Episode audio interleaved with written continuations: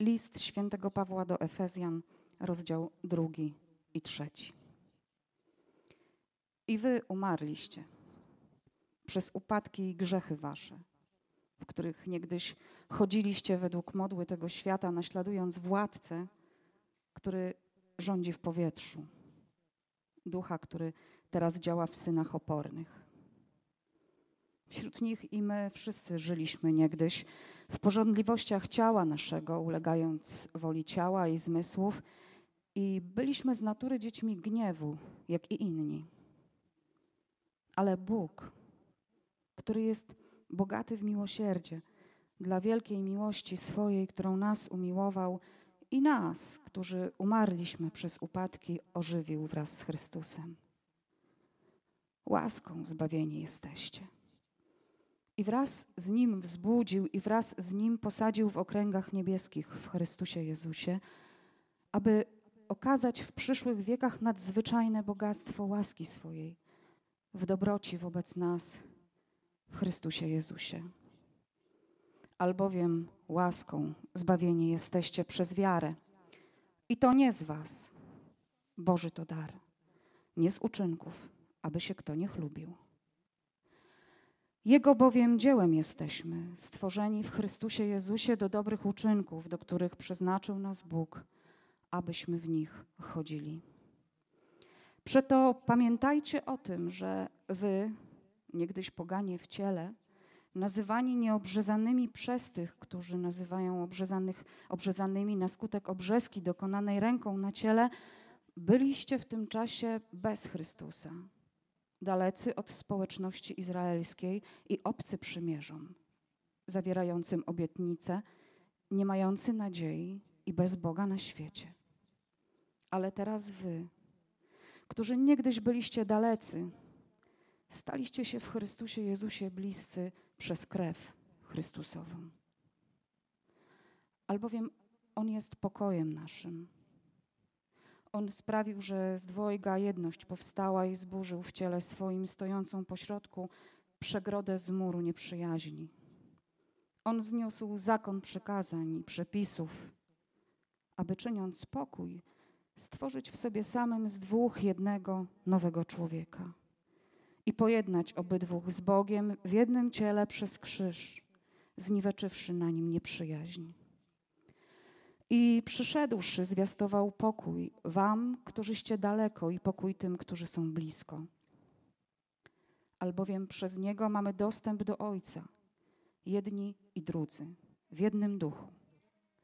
Tak więc już nie jesteście obcymi i przychodniami, lecz współobywatelami świętych i domownikami Boga zbudowani na fundamencie apostołów i proroków, którego kamieniem węgielnym jest sam Chrystus Jezus, na którym cała budowa mocno spojona rośnie w przybytek święty w Panu, na którym i wy się wespół budujecie na mieszkanie Boże w duchu. Dlatego ja, Paweł, jestem więźniem Chrystusa Jezusa za was pogan bo zapewne słyszeliście o darze łaski Bożej, która mi została dana dla waszego dobra, że przez objawienie została mi odsłonięta tajemnica, jak to powyżej krótko opisałem.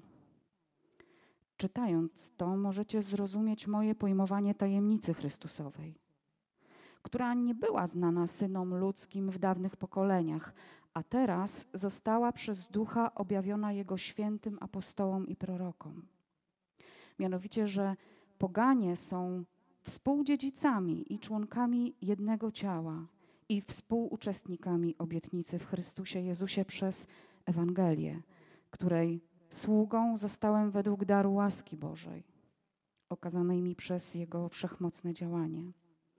Mnie, najmniejszemu ze wszystkich świętych, została okazana ta łaska, abym zwiastował poganom niezgłębione bogactwo Chrystusowe, i abym na światło wywiódł tajemny plan, ukryty od wieków w Bogu, który wszystko stworzył, aby teraz nadziemskie władze i zwierzchności w okręgach niebieskich poznały przez Kościół różnorodną mądrość Bożą według odwiecznego postanowienia, które wykonał w Chrystusie Jezusie Panu naszym, w którym mamy swobodę i dostęp do Boga z ufnością przez wiarę w Niego. Przeto proszę, abyście nie upadali na duchu z powodu udręk, jakie za was znoszę, wszak to chwała wasza. Dlatego zginam kolana moje przed Ojcem, od którego wszelkie ojcostwo na niebie i na ziemi bierze swoje imię, by sprawił według bogactwa chwały swojej, żebyście byli przez ducha Jego mocą utwierdzeni w wewnętrznym człowieku, żeby Chrystus przez wiarę zamieszkał w sercach waszych, a wy wkorzenieni i ugruntowani w miłości, zdołali pojąć ze wszystkimi świętymi, jaka jest szerokość i długość, i wysokość, i głębokość. I mogli poznać miłość Chrystusową, która przewyższa wszelkie poznanie, abyście zostali wypełnieni całkowicie pełnią Bożą. Temu zaś, który według mocy działającej w nas potrafi daleko więcej uczynić ponad to wszystko, o co prosimy albo o czym myślimy, temu niech będzie chwała w Kościele i w Chrystusie Jezusie. Po wszystkie pokolenia na wieki wieków. Amen.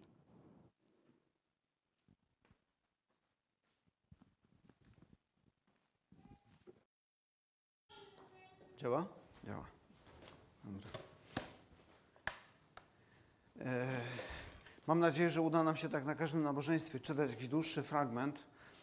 E, nie wiem, czy wiecie, w pierwszym kościele to był zwyczaj. Po prostu zawsze czytano teksty listów apostolskich albo pisma Starego Testamentu i mam nadzieję, że to będzie taki, taka nasza dobra tradycja, kiedy będziemy razem słuchali słowa. Ono zawsze będzie powiązane z kazaniem i również dzisiaj jest powiązane z kazaniem.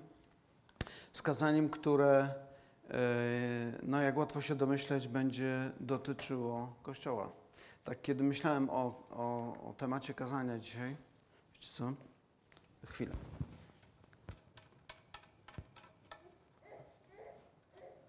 Jest. Te nowoczesne urządzenia są fajniejsze. E, kiedy myślałem o temacie dzisiejszego kazania, e, no właściwie cały czas wraca do mnie Kościół. Kościół, Kościół, Kościół. I pomyślałem, no tak, tak, trzeba powiedzieć parę zdań o Kościele. I myślę, że to nie jest zaskoczenie, że ten temat się tutaj pojawia. Z drugiej strony myślę, że też jest tak w naszym społeczeństwie, że część ludzi myśli w taki sposób, że Kościół, Kościół się starzeje. Kościół jest coraz mniej potrzebny w społeczeństwie. Społeczeństwo jest coraz bardziej nowoczesne. My raczej kierujemy się nauką, a nie Kościołem, tą nauką, taką prawdziwą nauką, empiryczną nauką. Więc Kościół wydaje się, że się starzeje i będzie coraz mniej potrzebny. Ale myślę, że to nieprawda. To oczywiście jest nieprawda. Kiedy czytamy Pismo, kiedy czytamy Biblię, widzimy, że jest zupełnie inaczej, że sposób, w jaki Biblia pokazuje Kościół, jest, jest zupełnie, zupełnie inny i mam nadzieję, że w trakcie tego kazania e, uda mi się to pokazać. E, Kościół to nie tylko budynek. W naszej kulturze no, to jest pierwsze skojarzenie. Kiedy pada słowo Kościół, to oczywiście pierwsze skojarzenie. Jakbyśmy robili ten teleturniej, gdzie skojarzenia, tutaj byśmy wymieniali, to przypuszczam, że słowo, słowo Kościół jako budynek byłoby na pierwszym miejscu. E, ale Kościół, i myślę, że wiecie, że słowo eklezja to tak naprawdę znaczy zgromadzenie, zresztą zaraz o tym powiem parę słów. E, ale Kościół nowotestamentowy to coś jeszcze więcej niż tylko zgromadzenie. Powiem o tym parę słów za chwilę. E, to pierwsze wyobrażenie takie, że Kościół to budynek, to jest taka ciekawa ilustracja tego, jak na przestrzeni czasu słowa zmieniają swoje znaczenie. E, wyobraźcie sobie taką sytuację, że e, mamy wehikuł czasu, przenosimy człowieka z pierwszego wieku, ląduje w Gdańsku, oprowadzamy go po starówce i w którymś momencie mówimy, zobacz, ten tam to jest najstarszy kościół w Gdańsku. I pomyślcie, za czym będzie się rozglądał ten człowiek, taki przeniesiony z pierwszego wieku wehikułem czasu. Kiedy mówimy, to jest najstarszy kościół w Gdańsku. Jakaś grupa seniorów Niemiec, z Niemiec pewnie gdzieś tam zauważy, to, a to pewnie chyba o to chodzi. No bo znaczenie słowa to jest zgromadzenie, kiedy ludzie się zbierali.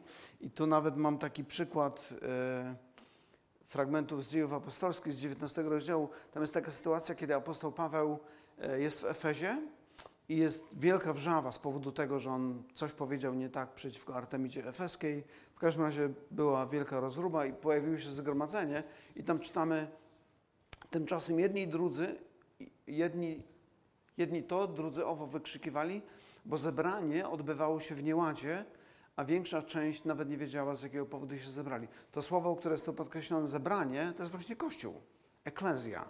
Tam to słowo się pojawia i kawałeczek dalej jest jeszcze jeden fragment, gdzie Łukasz pisze, jeżeli zaś chodzi, to jakby relacjonuje pisarza miejskiego, który no, reaguje na to, co się dzieje i mówi, jeżeli zaś chodzi o coś więcej, zostanie to załatwione na prawomocnym zgromadzeniu, znowu słowo eklezja, narażamy się bowiem na niebezpieczeństwo oskarżenia nas o dzisiejsze rozruchy, gdyż nie ma żadnej przyczyny, które moglibyśmy usprawiedliwić to zbiegowisko.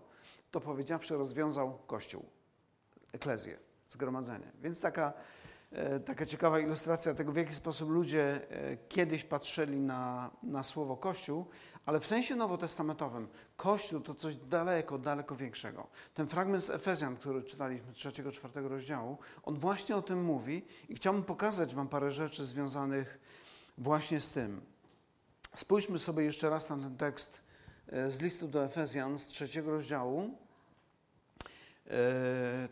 Tak, ja chyba tak sobie tutaj zrobię. Zobaczcie, Paweł zaczyna to zdanie od takiego stwierdzenia, dlatego ja, Paweł, jestem więźniem Chrystusa z powodu was pogan. Jestem więźniem z powodu was pogan.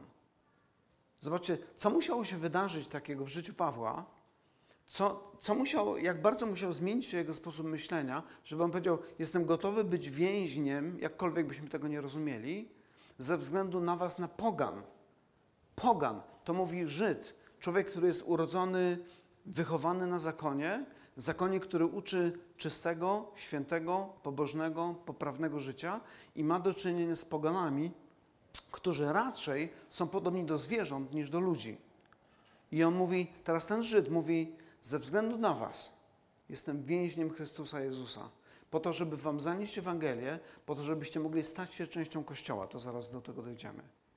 Więc sposób myślenia Pawła o Kościele jest rewolucyjny, jak na tamte czasy. On zupełnie, zupełnie inaczej myśli niż e, ludzie myśleli. Zwróćcie uwagę, w trzecim wersecie mówi apostoł Paweł, że, może przeczytajmy, próbuję czytać tam z tego monitora, ale całkiem nieźle mi to wychodzi.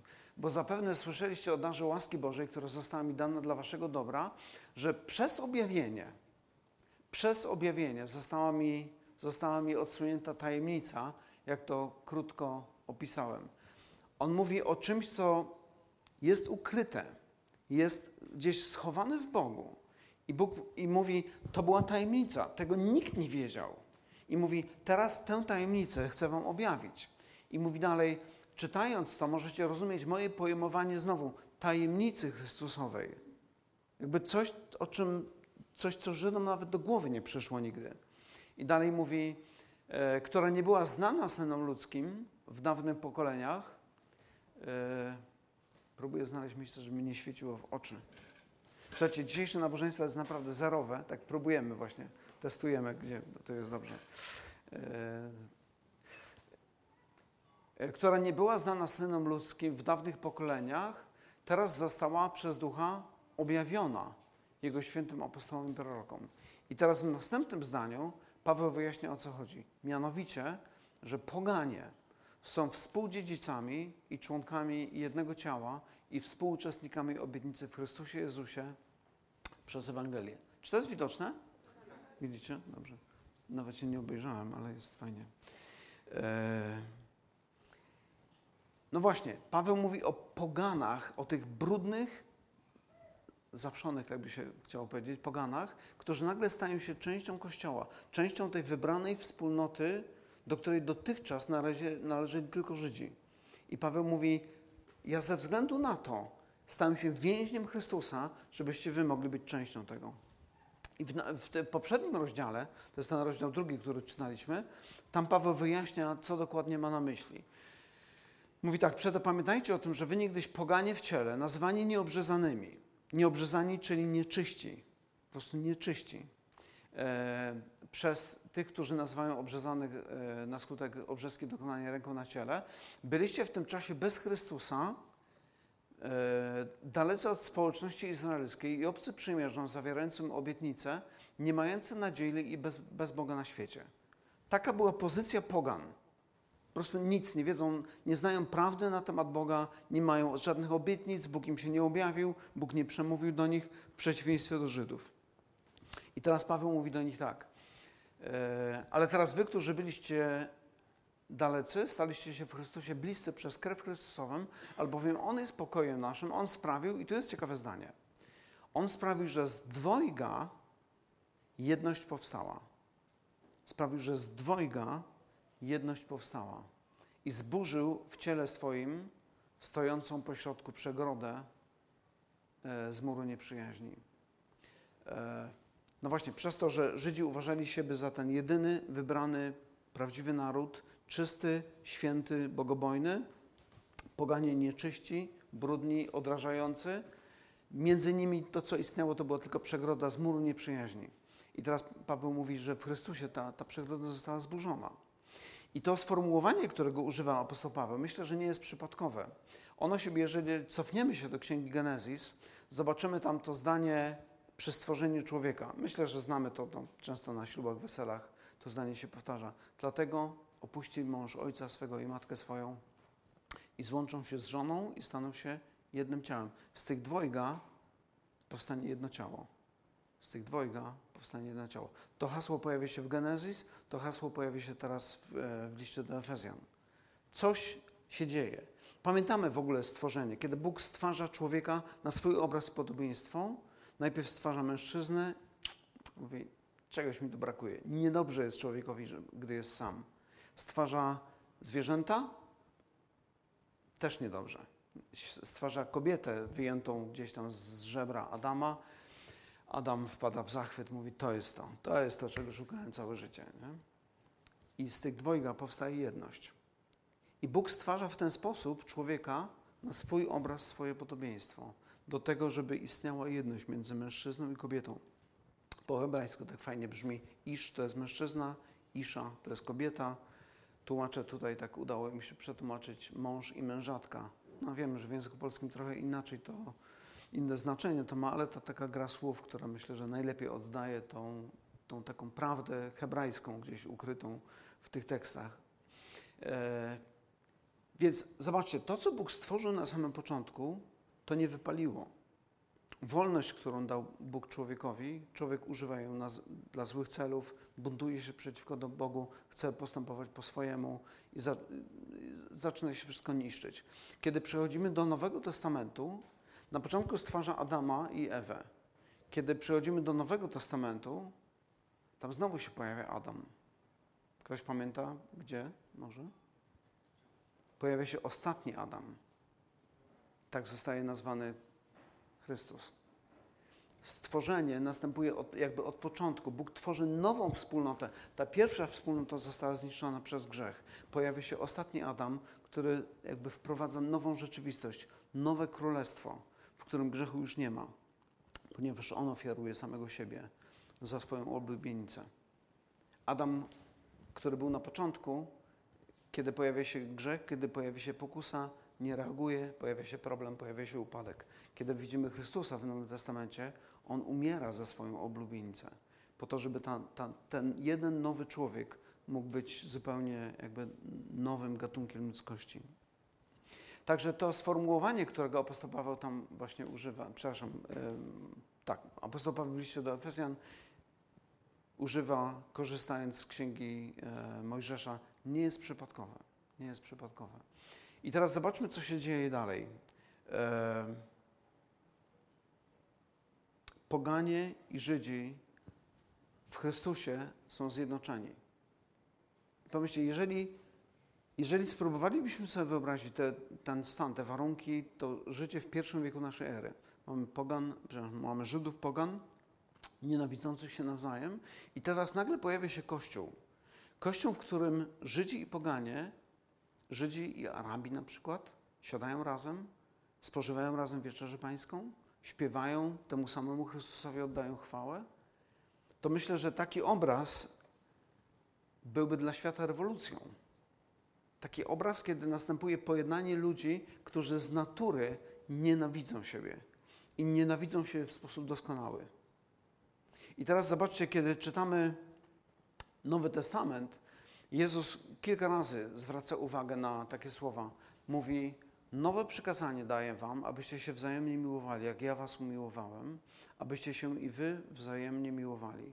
Potem poznają wszyscy, że jesteście uczniami moimi, jeśli miłość wzajemną mieć będziecie. I potem jest jeszcze drugi fragment z Ewangelii Jana z 17 rozdziału, gdzie Jezus w tej modlitwie arcykapłańskiej mówi, modli się o jedność, aby wszyscy jedno byli. Zauważcie jak. Jak Ty, Ojcze, we mnie, a ja w Tobie. Innymi słowy, to pierwsze małżeństwo, które było na samym początku, które miało być odbiciem natury Boga, miało być odbiciem tej doskonałej jedności, wspólnoty, która jest w Bogu, to nie wyszło, zawiodło. Wolność człowieka go zgubiła. Teraz, kiedy pojawia się ostatni Adam i buduje nowe królestwo, pojawia się nadzieja. Ponieważ jakby moc, która jest ukryta, moc Boża, która pojawia się w tej wspólnocie, jest czymś, co może zadziwić świat. I myślę, że ten obrazek, e, ten obrazek jest naprawdę poruszający. Ja kiedyś spotkałem człowieka, który e, zajmuje się pracą misyjną na terenie Palestyny i mówi, że to jest coś, co go najbardziej porusza, kiedy są gdzieś w Jordanii, albo w jakimś, czy w Izraelu, czy w jakimś, na terenie Palestyny, gdziekolwiek, i mówi, przygotowują spotkanie i siadają Żydzi, siadają Arabi, siadają e, ludzie, którzy normalnie się nienawidzą. Siadają razem i planują, w jaki sposób możemy zanieść Ewangelię tym ludziom, którzy je jeszcze nie znają. Ci nienawidzący się normalnie ludzie. Więc Kościół jest czymś, czymś niesamowitym. Zobaczmy następny fragment z tego listu do Efezjan, który czytaliśmy. E, w tym trzecim rozdziale jeszcze nie doczytaliśmy, tam tutaj to jest widoczne teraz dziewiąty, dziesiąty werset. Znowu tam w dziewiątym apostoł Paweł mówi, że jest powołany do tego, żeby wywieźć tajemny plan. Znowu mówi o tym planie, że on był tajemnicą. Nikt o nim nie wiedział. I teraz ten plan się pojawia. I w dziesiątym wersecie apostoł Paweł mówi, aby teraz nadziemskie władze i zwierzchności w okręgach niebieskich poznały przez Kościół różnorodną mądrość Bożą. Innymi słowy, to co dzieje się w Kościele, Kościele, który jest e, platformą pojednania dla ludzi, którzy normalnie się nienawidzą. Dla świata i dla świata duchów jest świadectwem niesamowitej Bożej mądrości. Jest świadectwem czegoś, co nikt nie był, czego nikt nie był w stanie dokonać, tylko Bóg. W jaki sposób? No właśnie przez Chrystusa, posyłając Go jako tego, jako tego, który jest królem, ale który zamiast przyjść z mieczem, przychodzi po to, żeby umrzeć za swój lud. I lud, który widzi to, mówi tak, Ty jesteś Panem. Tobie chcemy służyć. Takiego króla chcemy czcić. Nie tych królów, którzy chodzą i gonią nas na wojnę, abyśmy zabijali, ale takiego króla, który oddaje swoje życie za nas. To jest coś zupełnie, zupełnie innego. Także podsumowując z grubsza to, co mówiliśmy dotychczas, jeżeli myślisz o Kościele jako o budynku, to zupełnie źle myślisz.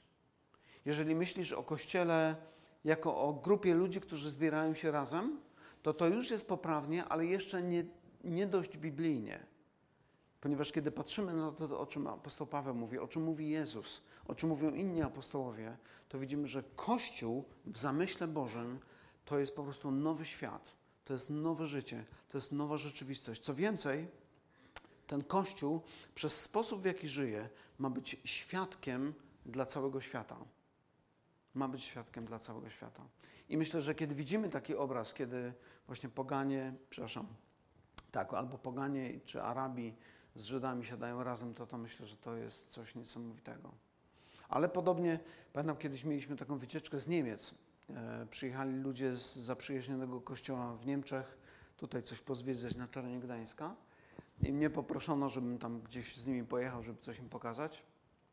I jak już się żegnaliśmy, to jakoś tak mnie natchnęło, że tak powiem, i powiedziałem, że no to jest dla mnie takie niesamowite, że e, jesteśmy przedstawicielami wrogich sobie narodów.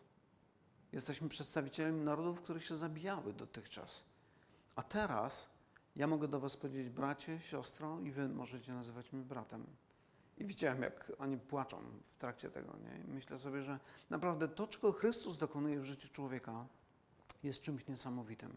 Kiedy człowiek zaczyna dostrzegać Ewangelię, kiedy widzi, czego Bóg dokonał dla niego, potem widzi to, to, to samo, widzi ta druga osoba i kolejna, i kolejna. I kiedy spotykają się razem, nagle się okazuje, że mur nieprzyjaźni, który był między nimi, zostaje zburzony. I świadectwo, które zostaje w ten sposób złożone dla świata, jest nie do podważenia. Żadne argumenty apologetyczne, nawet najlepsze, nie przemawiają tak głośno jak życie Kościoła. Niestety prawdą jest to, że Kościół pod wieloma względami naprawdę nie stanął na wysokości zadania.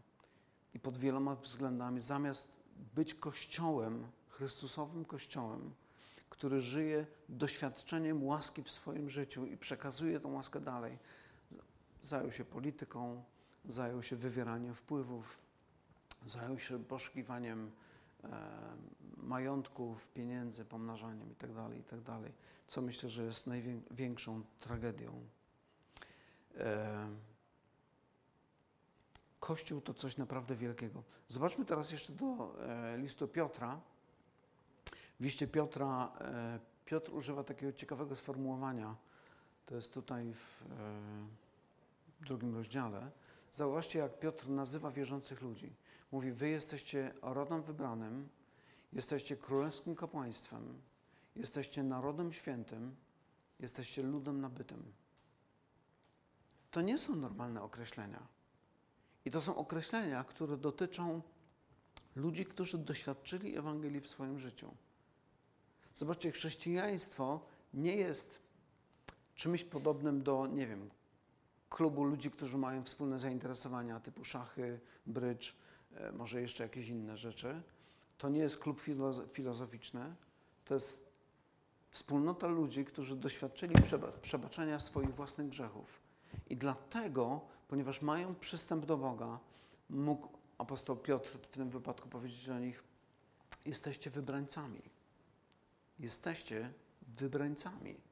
Jesteście królewskim kapłaństwem. Pomimo, że byliście poganami, zostaliście wybrani. Co, co więcej, już nie tylko, że należycie do tej rodziny, jesteście królewskim kapłaństwem, jesteście kapłanami samego króla. E, jesteście narodem świętym, jesteście ludem nabytym. To nie jest tak, że wy sobie coś tam wymyśliliście, my sobie coś tam wymyśliliśmy. Jesteśmy nabyci krwią Chrystusa, który oddał za nas życie. I Paweł i Piotr, przepraszam, kończy to zdanie w taki sposób. Po co? Abyście rozgłaszali cnoty tego, który was powołał z ciemności do cudownej swojej światłości. Abyście rozgłaszali cnoty tego, który was powołał. W jaki sposób? No właśnie zobaczcie, jeżeli człowiek jest stworzony na obraz podobieństwa Boga, jeżeli jest stworzony do takiej harmonii, jaka jest w naturze Boga, to w momencie, kiedy ta harmonia pojawia się, czy w życiu rodziny, kiedy stwarza mężczyznę i kobietę, oni stają się małżeństwem, czy w życiu Kościoła, to ten Kościół pokazuje te cnoty, które są w Bogu ukryte. Miłość, troskę o siebie nawzajem. IV i w VII wieku e, teolodzy chrześcijańscy zaczęli używać takiego ciekawego słowa perichoresis. Nie wiem, czy ktoś z Was słyszał takie słowo. To słowo było, na początku było słowem, które miało opisać tajemnicę natury Chrystusa. Jak to możliwe? Że On jest i Bogiem, i człowiekiem. Później w VII wieku zaczęto używać tego określenia na próbę opisania natury, Bo natury Boga, trój, trójosobowego Boga. Jak to jest, że Pan Jezus mówi, ja jestem w Ojcu, Ojciec we mnie? No jak to opisać, nie? Więc pojawiło się to słowo per, perichoresis i to słowo perichoresis dosłownie oznaczy, oznacza obchodzić coś wokoło albo tańczyć wokoło. Niektórzy mówią, chociaż inni tam kwestionują, że to z tańcem nie ma nic wspólnego, ale generalnie chodzi o taką ideę. Niektórzy próbują to narysować w taki sposób, tak jak są na przykład greckie tańce. Mężczyźni stają, razem kładą sobie ręce na ramionach i tam kółeczko tańczą. I zobaczcie, że żeby to było możliwe, to osoba, która stoi obok mnie, musi zacząć ustępować mi miejsca, żebym ja był w stanie zrobić krok. Tak samo jest w każdym innym tańcu, na czym mam na myśli te prawdziwe tańce, nie takie hopsasa gdzieś tam na dyskotece. Jak się tańczy walce na przykład, to trzeba gdzieś tam ustępować sobie przez cały czas. Jak nie ma tego ustępowania, nie ma tańca. I to słowo perichoresis, ono właśnie miało też to pokazywać, że w naturze Boga ta harmonia, ta doskonała jedność, która jest, polega na ciągłym ustępowaniu sobie. Albo niektórzy to mówili w taki sposób, na ciągłym usługiwaniu sobie. Innymi słowy, ta wzajemna miłość, która jest w naturze Boga. Zobaczcie, nasz Bóg jest nazwany miłością. Allah nie. Żaden inny Bóg nie jest nazwany miłością. Żaden Bóg, który jest singlem, nie może być miłością z natury. Tylko trójosobowy Bóg, nasz chrześcijański, może być tak określony.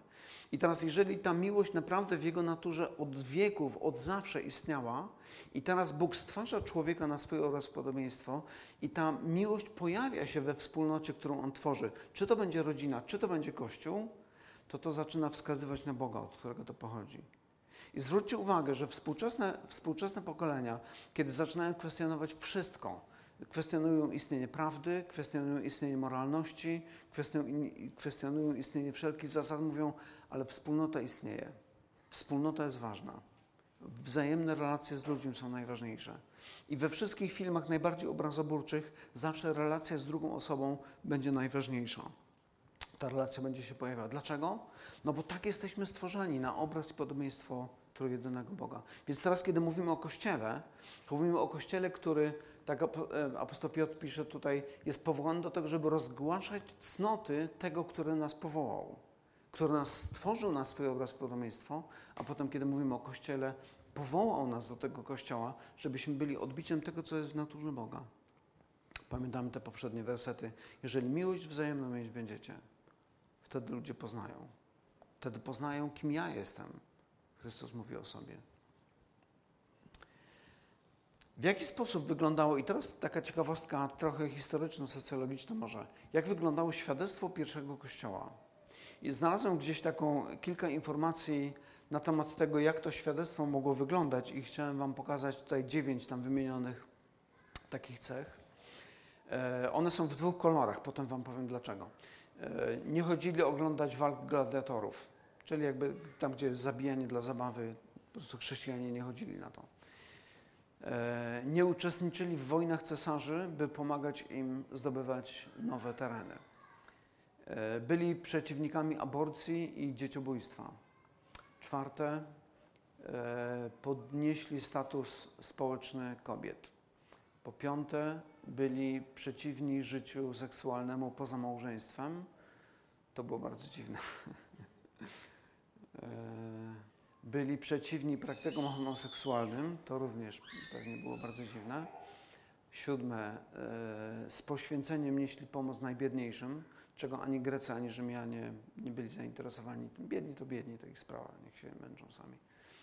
E, ósme, w ich wspólnotach byli ludzie z różnych ras, różnych klas społecznych, czym oczywiście powodowali zgorszenie. I ostatni wierzyli, że Chrystus jest jedyną drogą zbawienia. I teraz zwróćcie uwagę, widać te dwa kolory? Mniej więcej widać. E, jeżeli przyjrzymy się tym cechom, zauważcie, jeżeli popatrzymy na te, na żółto, to jest żółty, żółty, mniej więcej kolor, e, nie chodzili oglądać igrzysk gladiatorów, e, podnosili status, podnieśli status społeczny kobiet, chcieli pomagać biednym, co jeszcze tam było, ta jedność, znaczy mieszanie rasy i, i, klasy spotykali się razem. Zauważcie, że kiedy przyjrzymy się temu, to pomyślimy sobie, pomyślimy sobie powiedzmy ludzie z lewicowych partii powiedzą, o właśnie, właśnie, do, dobrze robili, dobrze robili, my właśnie tak uważamy, że tak należy. Tylko kiedy patrzymy na te białe punkty, to zauważcie, przeciwnicy aborcji, dzieciobójstwa, przeciwnicy, se, przeciwnicy seksu pozamałżeńskiego, homoseksualizmu i wierzyli, że jest tylko jedna droga do Boga no po prostu radykałowie fundamentaliści. Ale te dwie cechy spotykają się w, w tej wspólnocie. Oni potrafili robić jedno i drugie i w ogóle to siebie nie wykluczało nawzajem. I z tego powodu myślę, że dzisiaj jako chrześcijanie mamy straszny problem, jak się odnaleźć w tym świecie, kiedy każą nam iść głosować i myślisz sobie, no zagłosowałbym na tych, bo mają fajne to, ale te drugie rzeczy w życiu nie zagłosuje na nich. Potem myśli, że no to może ci, bo oni mają fajne te rzeczy, no ale te pozostałe mają do bani. I nie ma na kogo głosować, nie? więc trzeba wybierać jakieś tam mniejsze zło gdzieś tam. I zobaczcie, że to jest świadectwo, które składał, składał Kościół. ale w jaki sposób w tym fragmencie, który czytaliśmy, tam apostoł Paweł mówi, przepraszam, Piotr mówi, prowadźcie wśród pogan życie nienaganne, aby ci, którzy was obmawiają jako złoczyńców, przypatrując się bliżej dobrym uczynkom, wysławiali Boga w dzień nawiedzenia. Przypatrując się waszym dobrym uczynkom, ci, którzy was zniesławiają, w pewnym momencie będą wysławiać Boga, patrząc na was. Jak to jest możliwe? Gdzieś coś się dzieje w człowieku, który przygląda się i mówi: Nie, nie zgadzam się z nimi, ale w momencie, kiedy pojawia się jakiś kryzys w jego życiu, to nie pójdzie porozmawiać o tym z ateistami albo kimś tam jeszcze, tylko będzie szukał ludzi, którzy są wiarygodni. Ponieważ chrześcijanie, tak widzieliśmy w tych cechach tam wymienionych, to byli ludzie, którzy służą społeczeństwu, którzy szukają dobra swojego miasta. To wprawdzie ten werset, który Ala cytowała z Księgi Jeremiasza, on był później, przepraszam, zależy od którego momentu powiemy. To jest tuż przed niewolą babilońską. E, to, co mówi Piotr, to oczywiście już jest kilka wieków później, ale właśnie chrześcijanie tak żyli. Mieli to, to poczucie odpowiedzialności za społeczność wokół siebie. Mówili, my chcemy im służyć, my chcemy im pomagać. I w ten sposób budowali swoją wiarygodność. Nie jedni nazywali ich fundamentalistami, inni nazywali ich ludźmi aspołecznymi, ale ostatecznie wydaje się, że większość patrzyła na nich z podziwem. Ciekawą rzeczą jest, kiedy, e, kiedy ten, jak to się nazywa, WTC, World Trade Center, te budynki zostały zburzone, te samoloty wleciały, to był 2001, tak? Czy 11? Pierwszy, pierwszy, to już tak dawno temu. E, komentarze, które pojawiały się, były takie, to fundamentaliści, religijni fundamentaliści robią takie rzeczy. I pamiętam, żona jednego pastora mówi, Ha, ciekawe. Amisze też są fundamentalistami. Jakoś nie wyobrażam sobie, żeby robili takie rzeczy. Zwróćcie uwagę, że to nie chodzi o fundamentalizm jako taki. Chodzi o to, co jest przedmiotem mojej fundamentalnej wiary. Jeżeli człowiek wierzy w głupstwa, zaczyna głupio postępować. Ale jeżeli wierzy w te rzeczy, o których mówiliśmy wcześniej, wymieniając te, tych, tych dziewięć cech, to nagle okazuje się, że ci ludzie są błogosławieństwem dla społeczeństwa. I myślę, że my jako Kościół też możemy być błogosławieństwem dla społeczeństwa, dla znajomych, nieznajomych, bliskich, dalekich, gdziekolwiek Pan Bóg nas tam pośle. Um.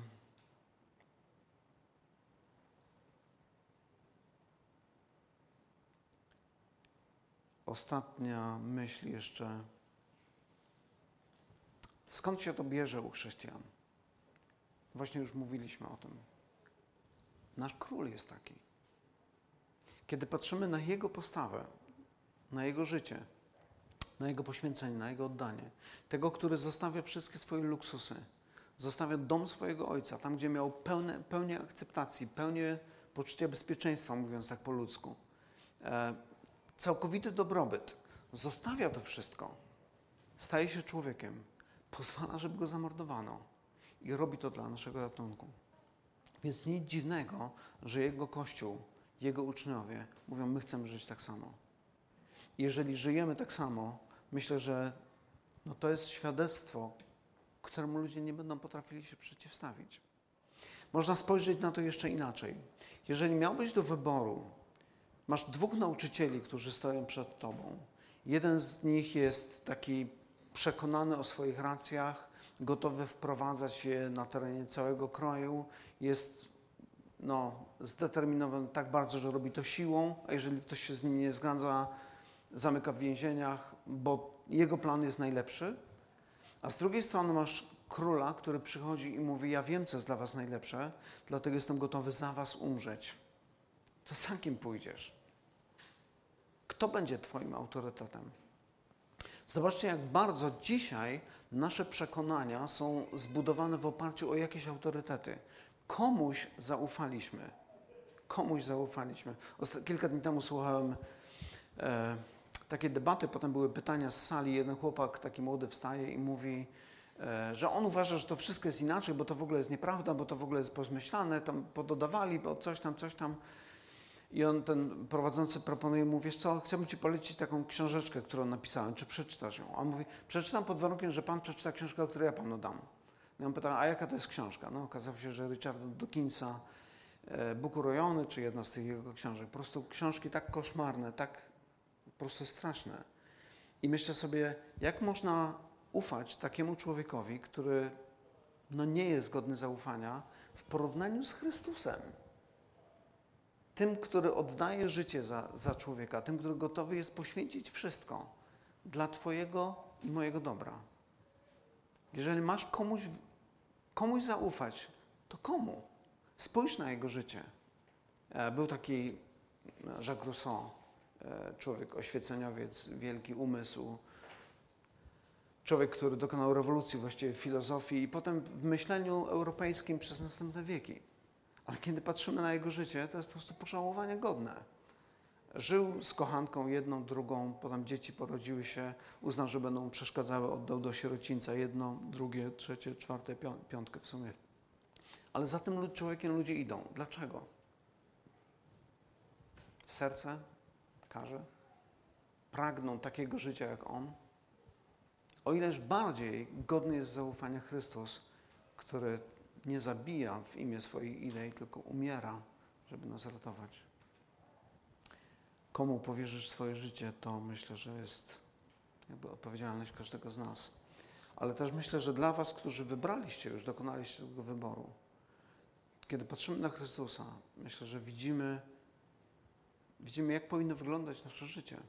Powinno być pełne poświęcenia, oddania, służby, myślenia o innych, bo nasz Chrystus taki był, nasz Pan, nasz Zbawiciel. Pomódlmy się na koniec. Panie, dziękujemy Ci za to, że Ty w Panu Jezusie objawiłeś nam, jaki jesteś. Objawiłeś nam swoją łaskawość, swoje miłosierdzie, przebaczenie, na które nie zasłużyliśmy. Pokazałeś to, że Twoje ramiona są ciągle otwarte, że ciągle możemy przyjść do Ciebie. I Panie, kiedy powołałeś nas do siebie, kiedy usłyszeliśmy Twój głos i poszliśmy za Tobą, modlę się teraz, Ojcze, żebyś ten obraz Chrystusa jeszcze bardziej utwierdzał w nas. By ta miłość Chrystusowa była, była czymś, co ogarnie nas całkowicie, żebyśmy mogli pojąć coś, co jest nie do pojęcia, abyśmy byli wypełnieni całkowicie pełnią Bożą, jak pisał apostoł Paweł. Panie, bo Ty, kiedy działasz po swojemu, czynisz rzeczy, które przechodzą ludzkie pojęcie. I o to chcemy się modlić. Chcemy modlić się o nasze miasto. Chcemy modlić się o tą wspólnotę. O to, Panie, byś Ty był pośród nas, byś nas budował, by obraz Pana Jezusa, tego króla, który oddał za nas swoje życie, nigdy nie zniknął z naszych oczu, ale byśmy zawsze wpatrzeni w Niego chcieli oddawać Jemu chwałę. Panie, modlimy się o to, byś nas trzymał w swoim ręku i przemienił nasze serca, byśmy stawali się coraz bardziej podobni do Pana Jezusa. Dla chwały Twojego imienia, abyśmy mogli być błogosławieństwem dla tego miasta. O to prosimy Cię w imieniu Pana Jezusa. Amen.